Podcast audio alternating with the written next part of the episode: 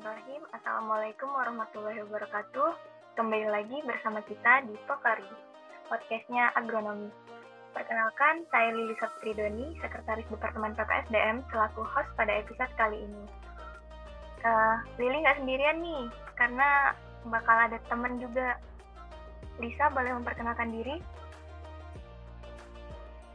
Baiklah, Assalamualaikum warahmatullahi wabarakatuh. Perkenalkan nama saya Lisa Amelia dari Kepala Divisi Rohis BPSDM.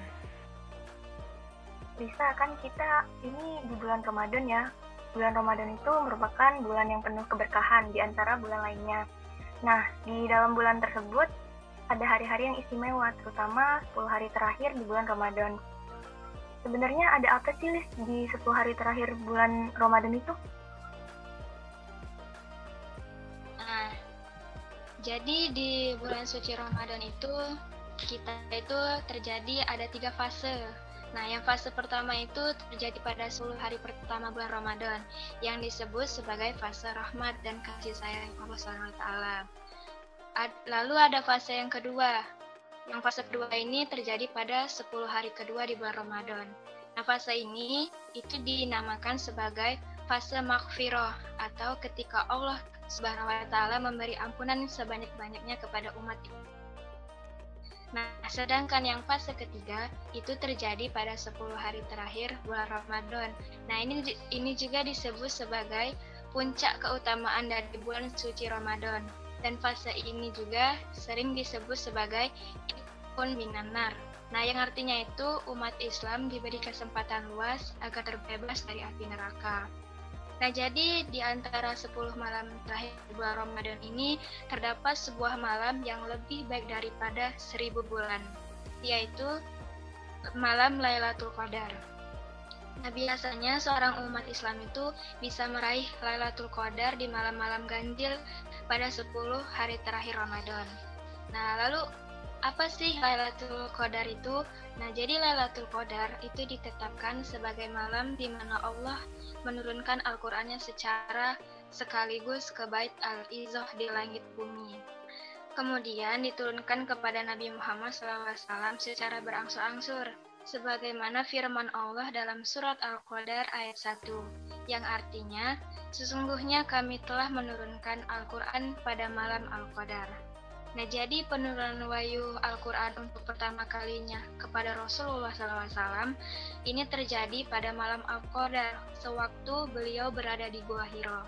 Nah, proses turunnya Al-Quran ini kurang lebih terjadi 23 tahun, yaitu 13 tahun di Mekah dan 10 tahun di Madinah. Hal ini juga sudah tertuai dalam firman Allah dalam surat Al-Baqarah ayat 185, yang artinya itu beberapa hari yang ditentukan itu ialah bulan Ramadan. Bulan yang di dalamnya diturunkan permulaan Al-Quran sebagai petunjuk bagi manusia dan penjelasan-penjelasan mengenai petunjuk itu serta pembeda antara hak dan yang batil.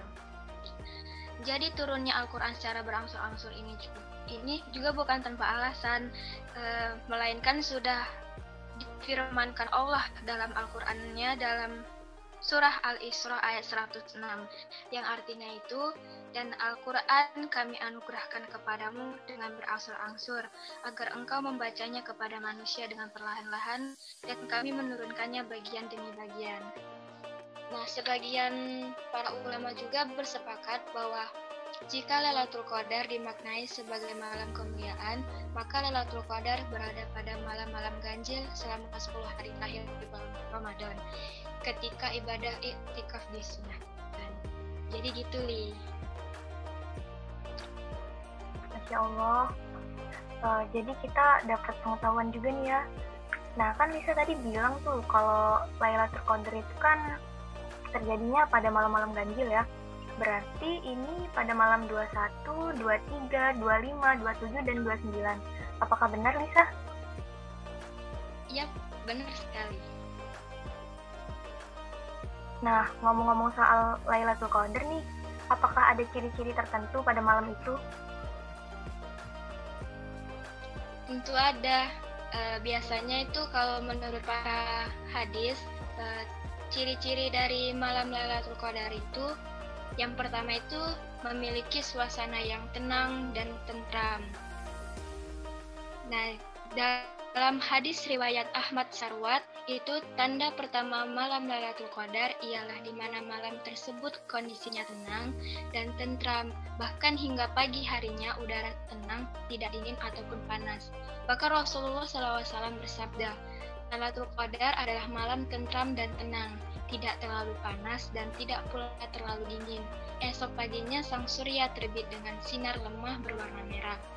Lalu memiliki lalu uh, tanda tanda malam Lailatul Qadar itu memiliki suasana terang dan tidak berawan sebagaimana hadis riwayat At-Tabrani yang berbunyi Lailatul Qadar adalah malam yang terang, tidak panas, tidak dingin, tidak ada awan, tidak hujan, tidak ada angin kencang, dan tidak ada yang dilempar pada malam itu dengan bintang.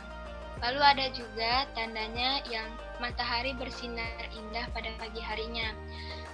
Dalam hadis riwayat Ahmad, sesungguhnya tanda Lailatul Qadar adalah matahari di pagi harinya terbit dengan indah, tidak bersinar kuat seperti bulan purnama. Lalu ciri-ciri yang lain itu ada juga yang hati hati terasa sangat tenang di antara malam-malam lainnya. Terus dada terasa ringan, plong, dan lapang, seakan-akan tidak ada beban sedikit pun melebihi malam-malam sebelumnya.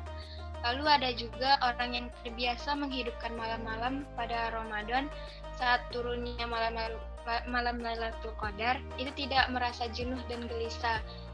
Ia lebih nyaman dan tenggelam dalam lautan kenikmatan beribadah.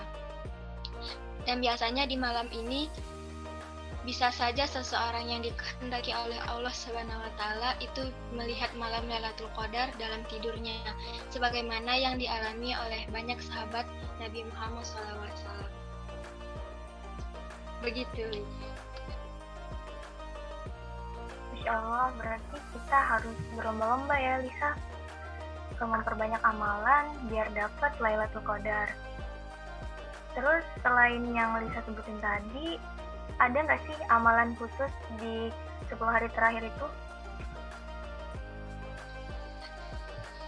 Tentu ada. Biasanya uh, umat Islam itu ada amalan-amalan yang dilakukan pada saat malam Lailatul Qadar. Yang pertama itu memperbanyak doa malam Lailatul Qadar. Nah, salah satu amal yang dikerjakan dalam malam penuh pengampunan dan rahmat ini adalah banyak berdoa Direwayatkan dari Aisyah, beliau bertanya kepada Nabi Muhammad SAW tentang bacaan doa malam Lailatul Qadar, seperti apa yang hendaknya dibaca. Lalu Nabi Muhammad menjawab bacaan doa malam Lailatul Qadar yang berbunyi, Allahumma innaka afuun tuhibbul afwa fa'fu anni, yang artinya, Ya Allah, sesungguhnya engkau zat yang maha pemaaf dan pemurah, maka maafkanlah diriku. Eh, lalu amalan yang kedua itu beriktikaf di masjid atau berdiam diri dengan memperbanyak amalan-amalan seperti berdoa, zikir, sholat malam, membaca Al-Quran, dan amalan-amalan yang lainnya. Eh, lalu yang terakhir itu biasanya itu umat Islam mengerjakan sholat pada malam Lailatul Qadar. Sebagaimana hadis riwayat Bukhari, Barang siapa melaksanakan sholat pada malam Lailatul Qadar karena iman dan mengharapkan pahala dari Allah, maka dosa-dosanya yang telah lalu akan diampuni. Jadi ada banyak amalan-amalan yang bisa dilakukan di malam Lailatul Qadar, Li. Amin, amin ya rabbal alamin. Semoga kita senantiasa diampuni sama Allah dan doa kita dijabah ya, bisa uh, terus kan tadi Lisa bilang tuh kalau misalkan di malam Lailatul Qadar itu kita ada maksudnya ada amalan yang menganjurkan kita untuk beriktikaf di masjid kan Lisa.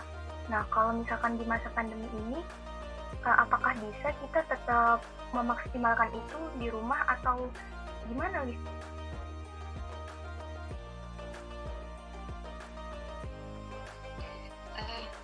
Jadi biasanya itu uh, kalau di daerah pun ya uh, untuk melakukan amalan beriktikaf di masjid itu uh, masih melakukan. Nah biasanya itu uh, masyarakat itu menggunakan melakukan uh, protokol kesehatan gitu uh, kayak misalnya itu membaca Al-Quran nah membaca Al-Quran itu yang biasanya itu jaraknya dekat-dekat uh, antara orang perorangan itu jaraknya itu jauh-jauh uh, jaraknya gitu. Terus tuh mm, membawa hand sanitizer gitu. Jadi uh, beriktikafnya itu tetap dijalankan sesuai dengan protokol kesehatan. Kurang lebih seperti itu li.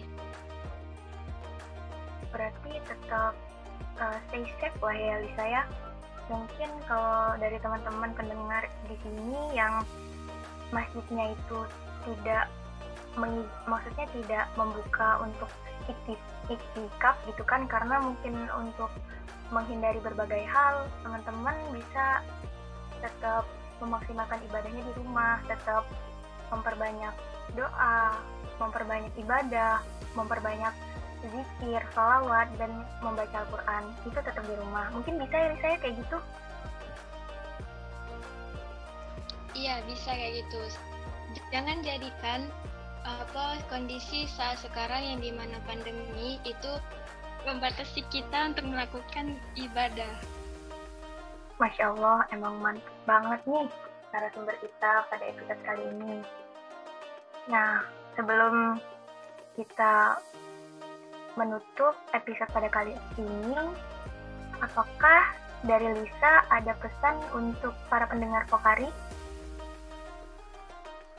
Pesan untuk uh, para pendengar Pokari itu uh, selalu berbuat kebaikan, jangan pernah berputus asa dalam hal kebaikan.